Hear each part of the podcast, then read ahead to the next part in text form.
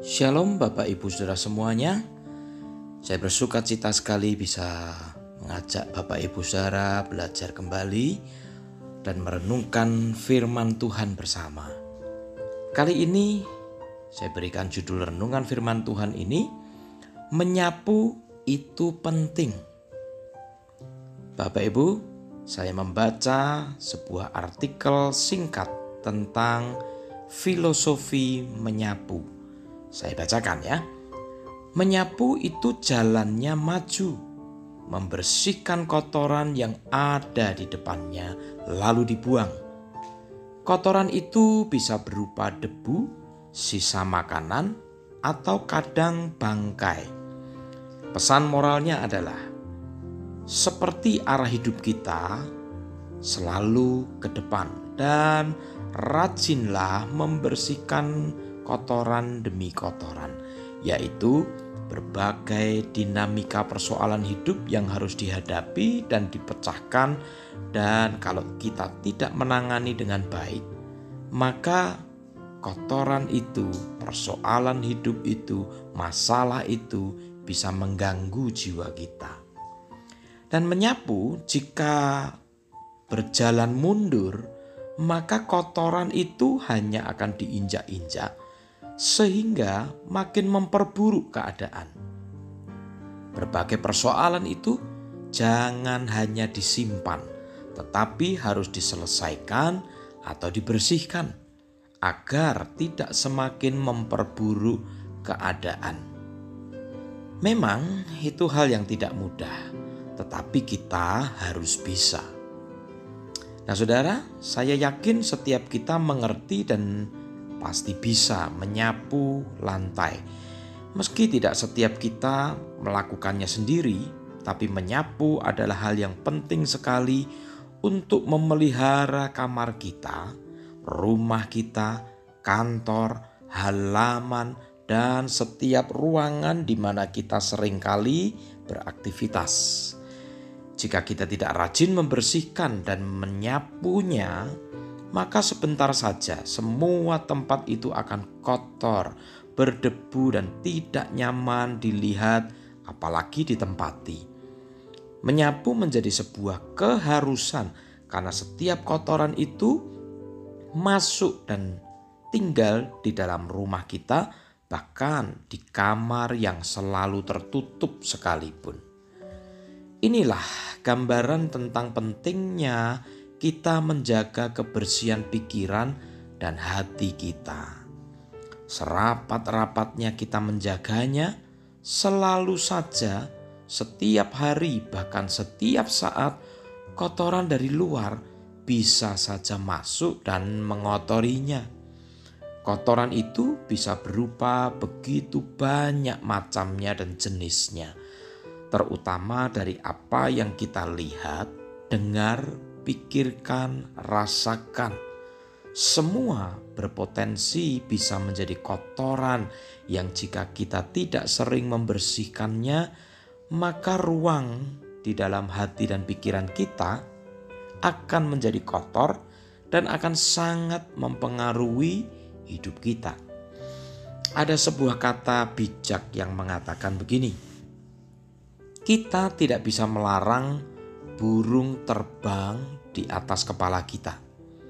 Kita bahkan mungkin tidak bisa menghindar saat burung itu tiba-tiba buang kotoran dan mengenai kepala kita.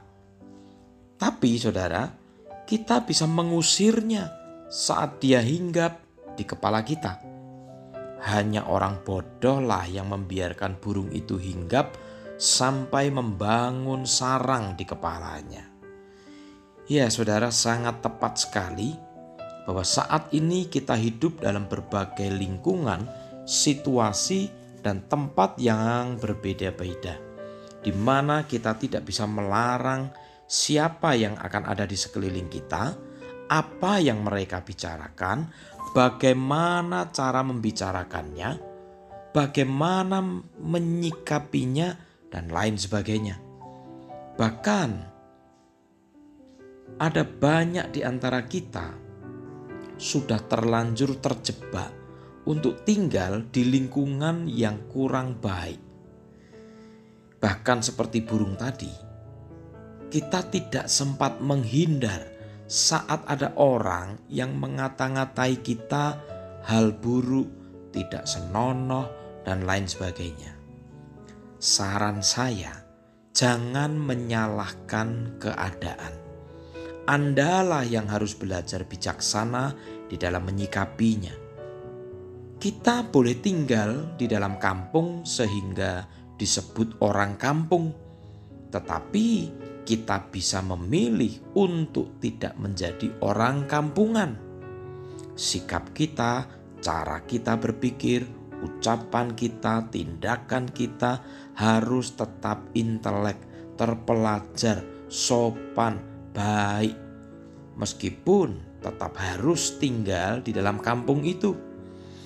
Jika kita terus tertanam di dalam firman Tuhan, kita belajar firman Tuhan, maka kebenaran dan terang itu pasti Tuhan terbitkan atas hidup kita, sehingga kita berbeda dengan orang-orang di sekeliling kita.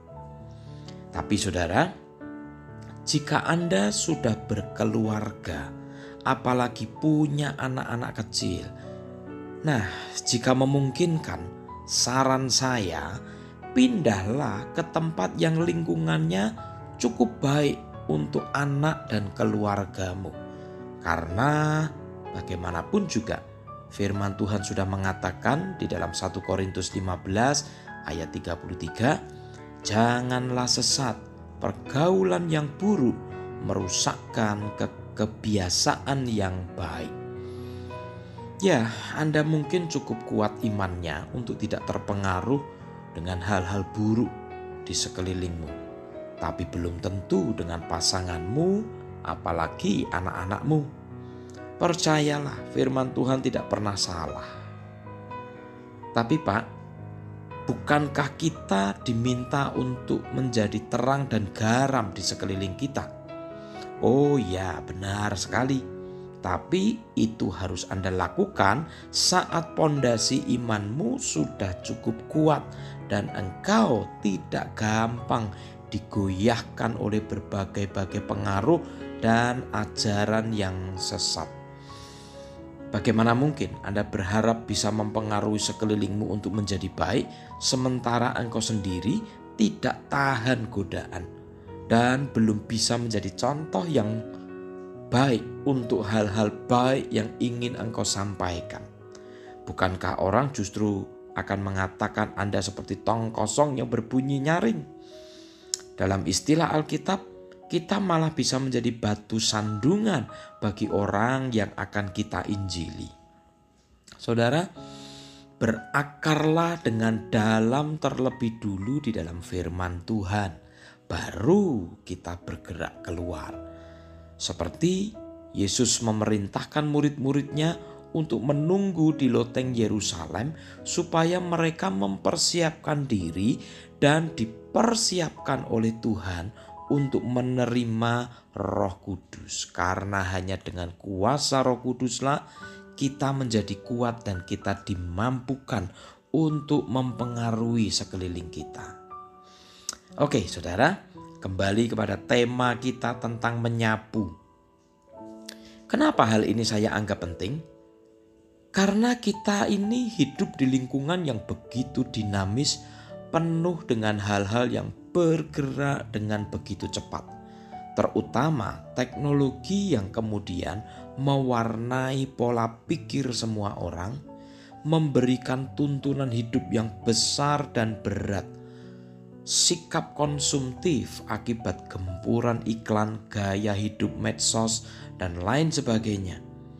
Seolah-olah, saudara, kita belum dianggap benar jika kita belum memakai produk tertentu. Kita dianggap ketinggalan zaman, dianggap jadul kalau belum punya ini dan belum punya itu. Kita belum gaul kalau belum punya Facebook, Instagram, Twitter, TikTok, dan teman-temannya. Kita dianggap tidak up to date kalau belum mengupload semua kegiatan, semua dandanan, koleksi barang, bahwa kita ada di tempat-tempat trendy, di tempat-tempat yang gaul, yang sedang in saat ini, kita dianggap tidak up to date. Dan kemudian ada begitu banyak orang akan mencibir, merendahkan, atau bahkan menggunjingkan sesamanya. Begitu rumitnya hidup seseorang jika dia tidak bisa menyapu kotoran-kotoran yang seperti itu. Saudaraku, ini baru salah satu bentuk kotoran yang perlu kita waspadai karena sudah begitu banyak mengotori hidup orang. Lalu saudara, apa kata firman Tuhan tentang hal ini? Filipi 4 ayat 8. Jadi, akhirnya saudara-saudara, semua yang benar, semua yang mulia, semua yang adil, semua yang suci, semua yang manis, semua yang sedap didengar, semua yang disebut kebajikan dan patut dipuji, pikirkanlah semuanya itu. Terjemahan ini di dalam Alkitab versi BIMK dikatakan begini. Akhirnya saudara-saudara, isilah pikiranmu dengan hal-hal bernilai yang patut dipuji, yaitu hal-hal yang benar, yang terhormat, yang adil, murni, manis, dan baik jalankanlah apa yang kalian pelajari dan terima dari saya, baik dari kata-kata maupun dari perbuatan-perbuatan saya. Allah sumber sejahtera akan menyertai kalian. Rasul Paulus mengatakan hal ini, menulis surat seperti ini kepada jemaat di Filipi. Artinya saudara, mereka diminta atau Tuhan meminta memerintahkan kita untuk mengisi pikiran kita dengan segala macam hal yang ditulis tadi. Hal-hal yang bernilai, yang patut dipuji, hal-hal yang benar, yang terhormat, yang adil, murni, manis, dan baik. Itu semua adalah hal-hal yang bernilai tinggi, yang terhormat, dan berkuasa membersihkan hati dan pikiran kita dari sampah-sampah dan kotoran-kotoran jiwa yang berpotensi merusak hidup kita. Betapa hebatnya firman Tuhan bukan? Sejak zaman ribuan tahun yang lalu. Bahkan hal-hal yang akan terjadi saat ini sudah diprediksi dan sudah diberikan antisipasinya. Saudara, ada sangat banyak jenis kotoran jiwa yang bisa kita bahas. Jadi, saudara, tentang menyapu itu yang saya maksud adalah menyapu kotoran-kotoran jiwa, bukan kotoran-kotoran yang bersifat harafiah. Kotoran-kotoran jiwa yang bisa mempengaruhi hati kita, pikiran kita, cara kita berpikir, cara kita mempunyai sudut pandang dan lain sebagainya. Kotoran-kotoran itu harus kita waspadai. Ada begitu banyak. Tapi saat ini saya akan mengajak setiap kita mencermati beberapa hal saja. Kotoran yang pertama adalah iri hati. Ini satu jenis kotoran jiwa yang belum tentu ada di semua orang. Tapi jika menempel dan tidak segera dibersihkan, daya rusaknya bisa sangat hebat. Awal mulanya hanya seperti biasa saja. Iri hati bukan sesuatu hal yang sepertinya perlu sangat dicermati. Sepertinya awalnya biasa saja, tapi bisa kemudian membuat kegelisahan hati, apalagi jika ditambah dengan bumbu-bumbu yang lain, pendapat orang, omongan orang-orang, blow up dari media, dan lain sebagainya. Maka, hal yang awalnya tidak apa-apa tiba-tiba bisa memunculkan kecemburuan yang tidak terkendali. Contohnya ada, yaitu Raja Saul yang iri kepada Daud, yang bahkan sebetulnya Daud sudah menyelamatkannya dari Goliat orang Filistin, musuh yang sangat dia takuti. Hal ini yang tadinya sangat menggembirakan Saul dan pasukannya mendapat kemenangan yang gemilang atas Filistin, tiba-tiba berubah menjadi kecemburuan besar kepada Daud karena ada gadis-gadis yang bernyanyi dan mengatakan bahwa Saul mengalahkan beribu-ribu musuh tetapi Daud mengalahkan berlaksa-laksa. Saudara perhatikan. Hal itu sepertinya Daud menang perang, mengalahkan Goliat dan kemudian Saul beserta pasukannya menyerbu orang Filistin dan menang perang. Itu sepertinya kan hal yang wajar, hal yang biasa. Tetapi saudara, ada satu sisi ketika mereka kembali ke Israel, ada blow up yang sedemikian rupa dari gadis-gadis yang sebetulnya juga tidak punya maksud bagaimana untuk mempermalukan Saul dan lain sebagainya. Hal itu berjalan secara natural, tetapi bagi Saul itu seperti sebuah blow up yang sangat memunculkan kecemburuan dan kemudian berubah menjadi iri hati yang begitu dalam sehingga kemudian memunculkan kemarahan sehingga membuat Saul ingin membunuh Daud. Lihat saudara, kotoran jiwa yang bernama iri hati jika kita biarkan itu bisa membunuh kita dan juga orang lain. Akibat dari iri hati ini, Saul berulang kali dengan sengaja mau membunuh Daud. Tapi puji Tuhan Daud dilindungi dan diluputkan oleh Tuhan akibat iri hati yang terus dipelihara oleh Saul, dia juga akhirnya terbuang dari hadapan Tuhan. Roh Tuhan menjadi undur daripadanya karena Saul kemudian menjadi seorang pribadi yang sangat mempermalukan Tuhan, sangat membuat Tuhan marah. Saudara lihat betapa besar daya rusak kotoran yang bernama iri hati. Kemudian yang kedua, kotoran jiwa yang perlu kita waspadai adalah marah. Sering orang beranggapan bahwa anak Tuhan, orang Kristen itu tidak boleh marah, harus lemah lembut, penuh kasih. Siapa bilang kita masih manusia yang punya daging dan emosi? boleh dong marah.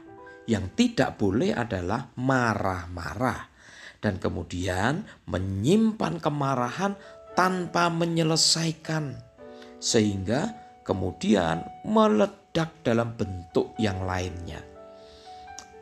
Marah itu adalah reaksi alami manusia. Yang perlu diperhatikan adalah cara penanganannya, cara menyalurkannya, dan kemudian cara meredakannya. Kita tidak boleh membiarkan kemarahan kita berlarut-larut sehingga menjadi dendam, atau tidak bisa kita mengendalikannya lagi, sehingga memakan korban, terutama orang-orang di sekeliling kita. Setelah Anda terjebak di dalam kemarahan dan membiarkannya menjadi api yang begitu besar dan membakar banyak hal, maka saya pastikan selesai Anda memuaskan kemarahanmu, engkau pasti akan menyesal dengan akibat kerusakan yang ditimbulkannya. Jadi saudara, bukan tidak boleh marah sekali lagi, tapi yang tidak boleh dan berbahaya yang harus kita waspadai adalah Anda marah dengan berlebihan sehingga tanpa bisa mengendalikan lagi Anda membakar banyak hal, merusakkan banyak hubungan dengan kemarahanmu. Jadilah orang yang bijaksana yang bisa mengendalikan amarahmu. Kotoran yang ketiga, kotoran jiwa yang ketiga, bersungut-sungut. Inilah salah satu kotoran pikiran yang bahkan oleh Tuhan disebut sebagai dosa. Bukan lagi penyakit jiwa, tapi ini oleh Tuhan disebut dosa. Mengapa orang bisa bersungut-sungut? Seringkali saudara, penyebabnya adalah ketidakpuasan akan sesuatu hal. Sehingga orang akan ngomel-ngomel, menyalahkan sana-sini, bahkan di dalam kasus bangsa Israel, mereka menyalahkan Musa dan bahkan Tuhan. Mengerikan sekali. Hati-hatilah dalam hal ini. Kenapa Tuhan sampai begitu marah dan ingin melenyapkan bangsa Israel yang bahkan baru saja dikeluarkannya dari tanah Mesir. Tuhan begitu marah dengan penyakit bersungut-sungut ini, kotoran jiwa yang bernama sungut-sungut, ngomel ini. Tuhan sangat marah karena bagi Tuhan sikap Israel bersungut-sungut itu sama saja dengan meragukan kuasa Tuhan. Tidak menganggap keberadaan Tuhan. Dan yang paling parah, Tuhan merasa dihina. Seolah-olah Tuhan tidak becus mengatur bangsa Israel. Wow saudara, karena itu wajar saja bahwa Tuhan sangat marah kepada bangsa Israel. Contoh saudara, dalam hidup kita. Anda sudah menolong temanmu yang sedang dalam kesulitan besar.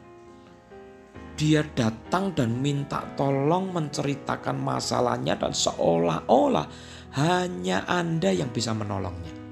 Kemudian Anda betul-betul menolong dia, melakukan banyak hal supaya dia tertolong, memberi segala bantuan yang dia perlukan dan Anda lihat bahwa kemudian temanmu itu betul-betul tertolong. Tapi kemudian apa yang terjadi? Karena temanmu itu merasa ada satu dua hal yang dia harapkan, tapi dia tidak dapatkan dari Anda. Kemudian dia ngomel-ngomel. Dia cerita ke sana sini tentang kejelekanmu dan lain sebagainya. Padahal jelas-jelas anda sudah all out menolong dia. Pertanyaan saya, bagaimana perasaan Anda? Kita akan segera mengambil kesimpulan bahwa temanmu itu adalah sungguh orang yang tidak tahu berterima kasih, bukan? Demikian juga Tuhan, saudara, terhadap bangsa Israel yang sudah setiap hari sejak dari mereka keluar dari perbudakan di tanah Mesir, setiap hari Tuhan berikan mujizat kepada mereka. Tapi begitu mereka tidak mendapatkan air, begitu mereka kepingin daging tapi tidak ada, maka mereka segera ngomel-ngomel, mereka segera bersungut-sungut, mereka menyalahkan Musa, mereka menyalahkan Tuhan. Maka Tuhan yang sesabar itu marah juga, saudara. Jengkel juga. Nah, saudara, sekarang coba cek diri kita terhadap Tuhan, sikap kita kepada Tuhan. Sudah ada begitu banyak berkat, pertolongan, mujizat, yang Tuhan berikan selama ini dalam hidupmu. Lalu karena kita merasa masih belum dapat ini dan itu, doa kita ada yang belum dijawabnya, maka kemudian kita ngomel-ngomel, kita tidak puas, kita bersungut-sungut, menganggap Tuhan tidak mendengar doa kita, Tuhan tidak adil, pilih kasih, dan lain sebagainya. Pantaskah itu, saudara? Saya berdoa sentilan ini menyadarkanmu dalam nama Yesus. Saudara, masih ada banyak sekali kotoran-kotoran jiwa yang berseliweran di sekitar kita setiap saat. Kita tidak bisa terhindar dari itu semuanya. tapi kita bisa melakukan satu tindakan preventif, yaitu menyapu dan membersihkan jiwa kita, pikiran, dan hati kita dari kotoran-kotoran itu, sehingga kotoran itu tidak melekat dan hidup kita tetap bersih. Saudara silahkan merenungkan ada banyak kotoran yang lain lagi yang saya tidak bahas di sini, tapi saya yakin Anda tahu apa yang saya maksudkan. Pertanyaannya, bagaimana cara menjaga jiwa kita agar tetap bersih? Ini saudara, jadilah orang yang cinta kebersihan, jangan cinta kekotoran. Karena bersih itu pasti indah dan nyaman untuk dinikmati daripada kotor dan berdebu. Nikmatilah hidup ini karena Tuhan yang memberikan keindahan jika kita mampu menjaganya tetap bersih. Bersih itu sehat, bersih itu rapi, bersih itu indah. Kitalah yang bertugas menjaganya. Cintailah firman Tuhan baca dan renungkan sehingga hati kita dipenuhi damai sejahtera, dipenuhi terang Tuhan. Dan yang sangat penting adalah melakukan firman Tuhan. Maka saya yakin setiap kotoran yang menempel pasti rontok dengan sendirinya iri hati, kemarahan, keinginan bersungut-sungut tidak akan mampu menempel pada hati orang yang hatinya dipenuhi damai, ucapan syukur, penuh kasih, pengampunan, dan buah-buah roh yang bermunculan di hidup kita. Saudara, akhir kata, jadilah bijak untuk hidup kita sendiri. Bukankah lebih baik menjaga daripada mengobati? lebih baik membersihkan ruangan daripada membongkar ruangan. Jangan tunggu kotoran menumpuk di hidupmu, di jiwamu, di hatimu, di pikiranmu, karena Anda ingin membersihkannya dengan sekali sapu. Saya percaya itu tidak akan berhasil. Membersihkan, menyapu itu harus dilakukan setiap saat. Tuhan memberkati.